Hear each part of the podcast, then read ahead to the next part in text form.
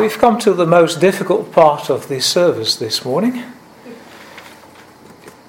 With uh, in Glengarry, we, uh, we have uh, folk who do the second scripture reading as well, but for this week I volunteered if they wanted me to, to do the second uh, reading because uh, in almost every verse there is at least one difficult word it's uh, quite a long chapter as, uh, as well, but I want us to read our way all the way through Nehemiah, so I'm going to do this to us. Uh, and uh, to myself, as far as the difficult names are concerned, at least the names of the gates are translated in the NIV. There would be some other Bibles where we would find very difficult names for the gates and for the fountains as well. But it's the Word of God, and it's given to us for uh, a reason. Eliashib, the high priest, and his fellow priests went to work and rebuilt the sheep gate. Because last week we heard that they were going to rebuild. They dedicated it and set its doors in place, building as far as the Tower of the Hundred, which they dedicated, and as far as the Tower of Hananel. The men of Jericho built the adjoining section and Zakkur, son of Imri, built next to them. The fish gate was rebuilt by the sons of Hassenaah. They laid its beams and put its doors and bolts and bars in place. Meremoth, son of Uriah, the son of Hakkoz, repaired the next section.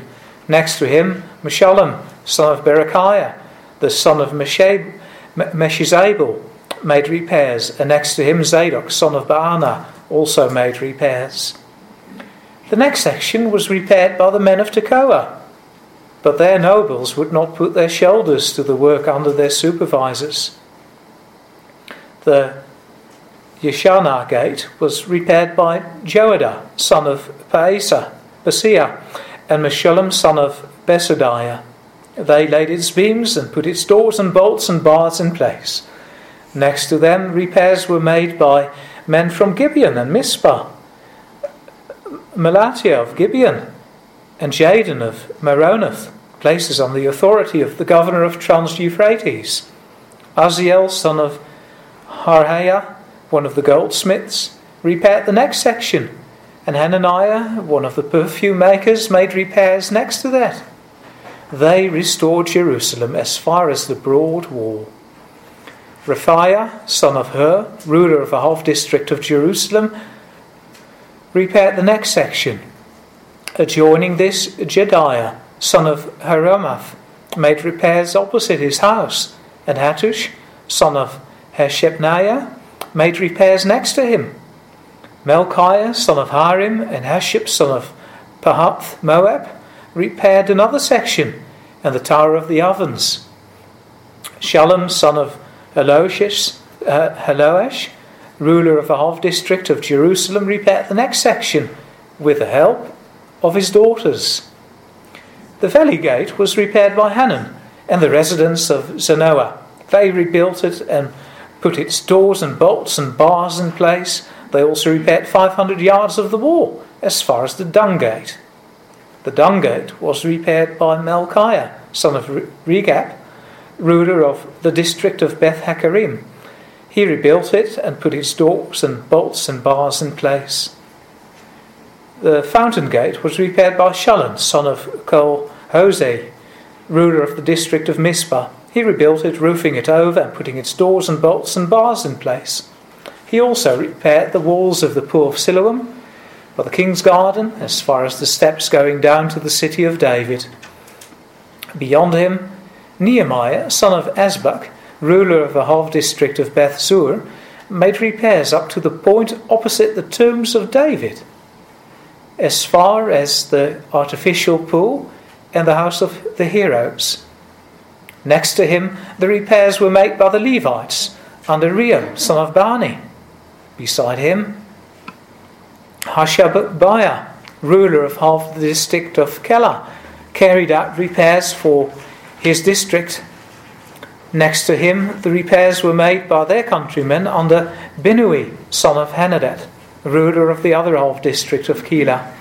Next to him, Ezer, son of Jeshua, son of Mis, ruler of Mizpah, repaired another section from a point facing the ascent to the armory as far as the angle. Next to him, Baruch, son of Zabbai, zealously repaired another section. Zealously, that's the first time mentioned here. So he must have been a very active man. From the angle of the entrance of the house of Eliashib the high priest. So we're going round about Jerusalem here. Next to him, Meremoth, son of Uriah, the son of Hakkoz, repaired another section from the entrance of Eliashib's house to the end of it. The repairs next to him were made by the priests from the surrounding region. Beyond them, Benjamin and Hasshub made repairs in front of their house, and next to them, Azariah, son of Maaseiah, the son of Ananiah, made repairs beside his house. Next to him, Binnui, son of Henadad, repaired another section from Azariah's house to the angle and the corner, and Palal, the son of Azai, worked opposite the angle and the tower projecting from the upper palace near the court of the guard. Next to him, Pedaiah, son of Parosh, and the temple servants living up on the hill of Ophel made repairs up to a point opposite the water gate, towards the east, and the projecting tower. Next to them, the men of Tekoa repaired another section from the great projecting tower to the wall of Ophel. We're nearly there. Verse 28 Above the horse gate, the priests made repairs, each in front of his own house. Next to them, Zadok, son of Immer, made repairs opposite his house. Next to him, Shemaiah, son of Shechaniah, the guard at the east gate, made repairs. Next to him, Hananiah, son of Shelemiah, and Hanan, the sixth son of Zalaph, repaired another section. Next to them, Meshullam, son of Berechiah, made repairs opposite his living quarters. Next to him, Mel- Melchiah, one of the goldsmiths, made repairs as far as the house of the temple servants and the merchants opposite the inspection gate, and as far as the room above the corner. And between the room above the corner and the sheep gate, the goldsmiths and merchants made repairs. This is uh, also the Word of God. Amen. How to preach on a chapter with all those difficult words and all those verses like this? Perhaps a good way to start is uh, with the title of the sermon that everyone contributed in his own area. Many difficult names, many difficult places. We, uh, most of us, were never in Jerusalem. I certainly wasn't. So hard to visualize. But there's one lesson we can take with us right from the start. Everyone contributed, and many people were contributed, in his own area. Every now and again in these verses, in this chapter, we read about a man building, restoring, opposite where? His own house. Visualize your own house as you go up the driveway, if you see the neighbours, if uh, there's uh, garbage out, or if the fence is uh, broken, or something else which shouldn't be in place, then we notice that. I in Blackstone Heights can't notice it for you, but you can, and, and I can in Blackstone Heights, etc. So that's a very practical way to go about things. Those people lived in that section of Jerusalem, they walked past that section of the wall or the gate, they knew what it was like, what was needed. They were the best available locally to do something about it. Nehemiah, we learned last week, inv- made inventory of the situation at night to, to know, he as the manager of the project, what needed to be done generally. That's important. We, we've got that in government uh, too, particularly with, uh, with the federal government and, and with other countries like the United States with its presidents uh, as, as well. I don't know if you've ever read some of the autobiographies or the general biographies of people like Clinton or Obama or Reagan or even John Howard, they will tell you that they couldn't do everything themselves. The first thing that people like that do when they are voted into government is gathering a crew around them of good people, each one with his own expertise to take care of sections of government. And under those government departments, uh, we, uh, we have city councils and state governments, etc., who operate uh, the sections of the wall that are best dealt with locally. It's no use uh, uh, Julia Gillard deciding about uh, the best premises for the West Tamar uh, local city council? Oh, well, no, we know best in this region, so let the people here who live here every day decide about the location for the West Tamar government. The same we find here. Nehemiah, general inventory. He knows what uh, needs to happen roughly, how many materials are going to be needed, the timber for the gates, etc., how many men. And once they've made the decision to go and rebuild, and the local people join in, they're going to rebuild. They decided that at the end of uh, last week's sermon. Remember those beautiful words. The God of heaven will give us success because they had seen that this was the Lord's business. It wasn't just a a national project. They had sought the way of the Lord. Nehemiah did. Praying first, only then talking to people finding out whether the Lord wanted him to be involved in rebuilding Jerusalem.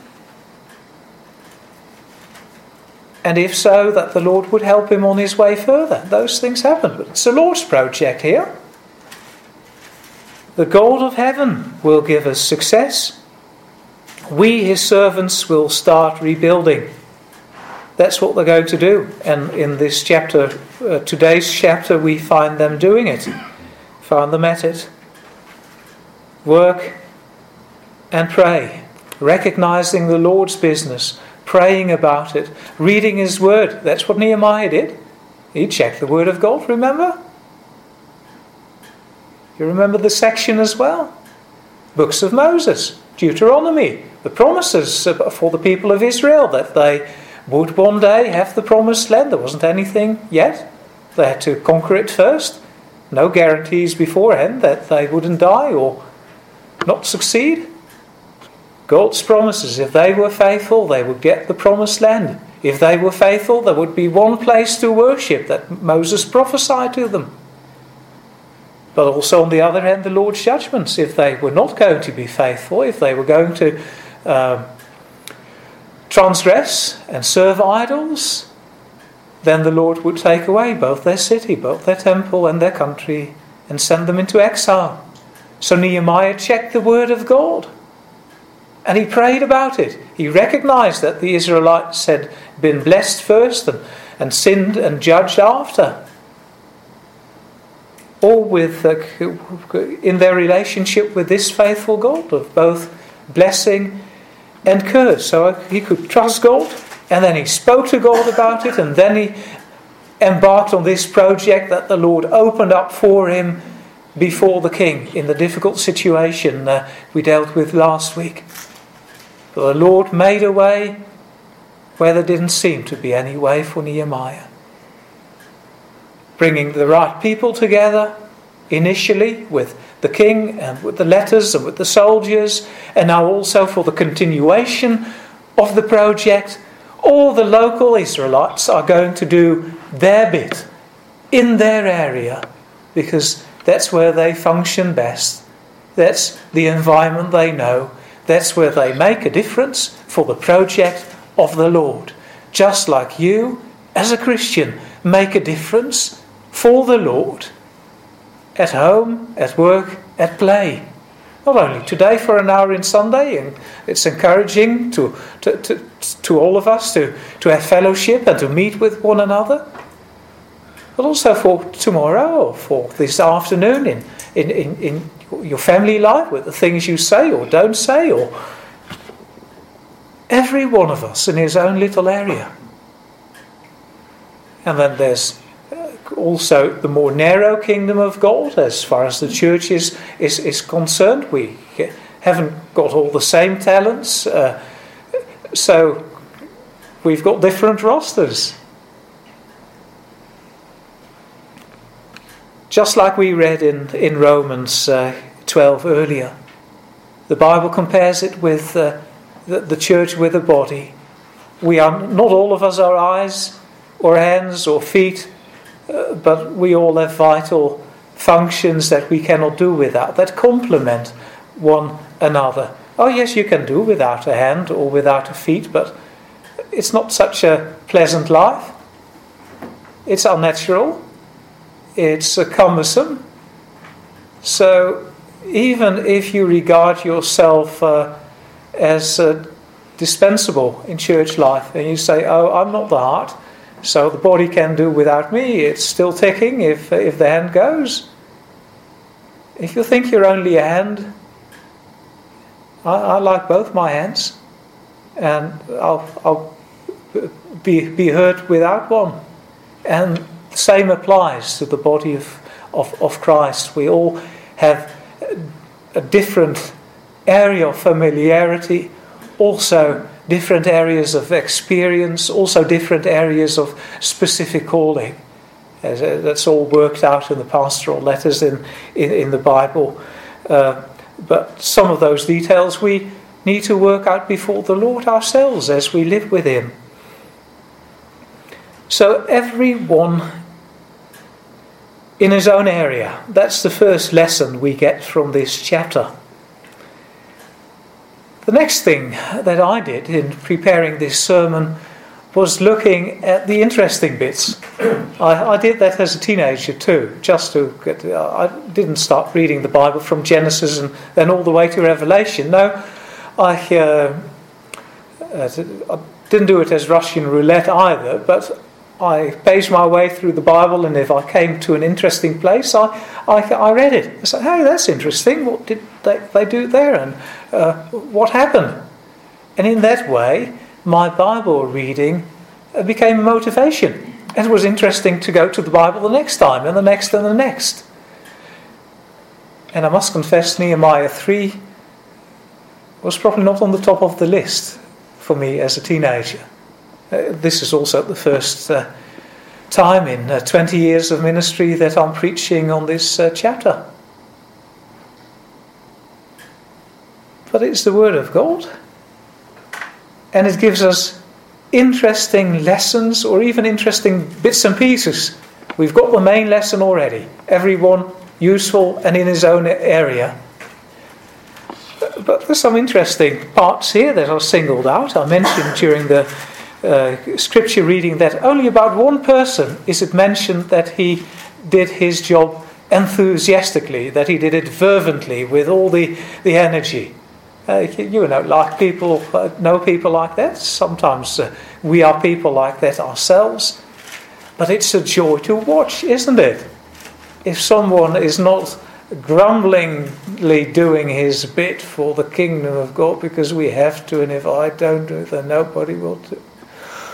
No, this guy is going at it enthusiastically. He knows this is a project for the Lord.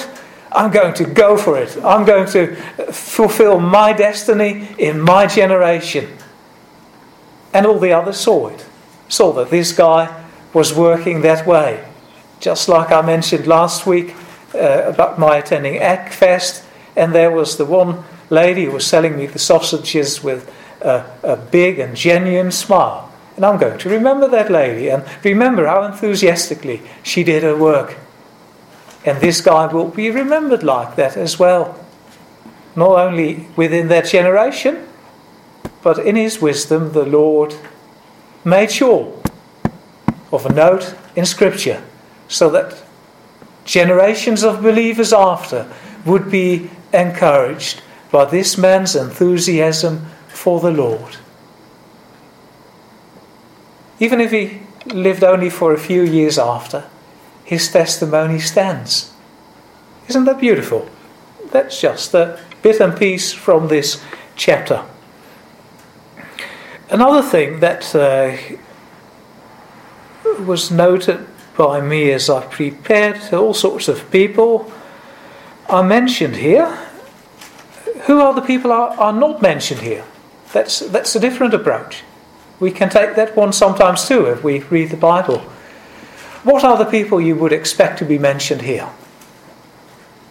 Years ago, I uh, listened to uh, an old uh, Elvis uh, song, probably because, before he was on the drugs and uh, those things. Uh, he did a gospel album because that's how he started out, Elvis Presley. His main gospel album was called something like Working on the Building. There was a song like that too. I'm working on the building, it's a good foundation, and he's going to lay stones for his Lord. And it's a big theme in, uh, uh, in, in, masonry uh, as well. The Freemasonry, I mean. Uh, another friend of mine is not a Freemason, Freemasonry, he's a master builder. If he talks about buildings, uh, then it's about bricklayers and uh, supervisors and uh, joiners. Do you read about bricklayers here? About uh, Jerusalem's uh, first joinery? Vos construction? Yeah. No. Who are mentioned here? Who's the first one mentioned? Eliashib, the high priest. Yes, in other words, uh, the, the, the Bishop of Tasmania. Yes, and his fellow priests.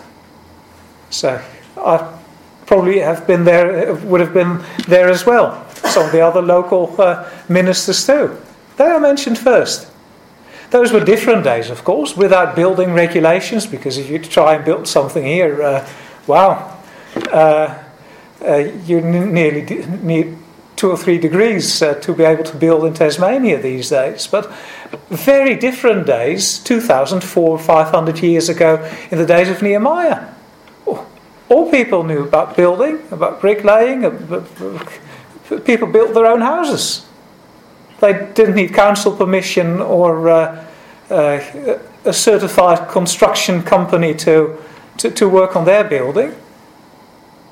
So it's not as strange as it would be today to see the Bishop of Tasmania uh, at it at the new foundations for the, the local cathedral and, uh, and Hobart City or town. Now, the high priest mentioned first, his fellow uh, priests as well, and then some other interesting people that I found here were uh, perfume makers. Look today, the people from Paris, from Paris, uh, and uh, laying the brick. No, uh, those days differently again, but still they are singled out, mentioned here, to make sure that the message comes across to us that everyone was involved in the Lord's project. This was the Lord's building project. And it was good enough for the high priest to be involved, good enough for the priests, Good enough for the perfumers, even the goldsmiths, the jewelers of the day, they are mentioned as well. They did their part. Only one group of people is mentioned that didn't do their part. People who were not prepared to be involved in this project for the Lord. People of God's people, because we've spoken about the adversary Sanballat and those people trying to obstruct the good of Jerusalem. But no, among the Israelites themselves, there's one group of people that is also immortalized by Scripture. We had the one enthusiastic guy immortalized, there's another group who didn't do his bit. Have you found the verse? Verse 5. The next section was repaired by the men of Tekoa, but their nobles would not put their shoulders to the work under their supervisors. So here we've got the situation that the union officials uh, say, here, forget it. Uh, we've got uh, other working conditions that we here require, uh, we're not going to do it. Well, the ground floor labourers, the men from Tekoa, they work, they go. They recognise it's the Lord's project, and whether the uh, union officials are behind it or not, they're going to do it anyway, because this is what the Lord requires. With or without supervisors, they will build, and not just built, it's recorded as a witness about these people that they did more than their fair share. Because the men from Tekoa, and we're only mentioned here, Later on, they mention that they did another part of the war as well. So, despite their lack of leadership, they went for the Lord's business and did more than a lot of other people with qualified leadership and supervisors. So, that's a lesson too. Sometimes we lack the right support structures in our lives, the right people to, to mentor us or to advise us, to work most effectively. You see what a blessing it can be if you still try in those situations. They could have said, "Oh, but our leaders aren't in and we don't really know how to build this, and uh, so we're going to do nothing." They did more, and probably gets got so experienced while doing it that they realised, "Hey, this is how it works, and we're good at this, and we're going to do another section as well." just to show them or to show the Lord. Encouragement. In a situation of discouragement. So if you're facing discouragement in your life at this moment, remember these people, they faced discouragement. Their leader's heart was not in it, they were discouraged from doing it. But they went and did it anyway. They, they faced that difficult situation with the Lord and build. And they were recorded. Just like the heroes of faith in Hebrews 11. And there's another verse that I like, that's uh, verse 12. I come from a family of boys, boys only. I had two brothers, and after that, my mum wasn't able to get any more kids, so uh, us boys, uh, crawling boys, and who also had great times together, it was. Uh, I didn't know anything about uh, families with girls because we were just tough men. But uh, uh, yes, and it's very different now. Some of you realise that three daughters and one support group. Although I found out over the years, my daughters has been, have been a great delight and uh, asset. For first, you think, "Oh, how am I ever going to cope with boys and with girls in my family?" I uh, uh, don't have the experience, like some of those people wouldn't have had the experience of building city walls, etc. But uh, but the Lord was gracious, and what uh, looked like a challenge or a very dicey thing uh, initially in marriage uh, became such a joy. And there, have been, and there have been people like, like me before that. Because in verse 12 we read about uh, Shalom, son of Hallohesh. If you think Sodom is a difficult surname, uh, here's, uh, here's Moses. Shalom, son of Hallohesh, ruler of the half district of Jerusalem, repaired the next section with the help of whom? Of his daughters. Look, uh, daughters are an asset to uh, the Lord's kingdom as well. Uh, they may not be ministers or, uh, or elders in the church, but they are so important for Christian family life, for Christian society, for, uh, for everything. Uh, without the girls and the ladies in this congregation, uh, we would be gone. And look, this guy was encouraged because his daughters, uh, uh usually they, they probably mentioned because this was the exception. Although in societies like that, women took on more um, manual labour than, than we do in our society. Perhaps it's a bit more comparable with African societies these days, where uh, uh, many of the women do hard work in the fields elsewhere, uh, and not only do it, but carry a baby on their back whilst doing it. So uh, there have been some tough ladies in history and in church history, and it might just be that those daughters were very tough ladies too, but that, they are mentioned here. And they are mentioned as uh, what was most likely to be an exception, otherwise, we would have read about more daughters and things if this was the general thing.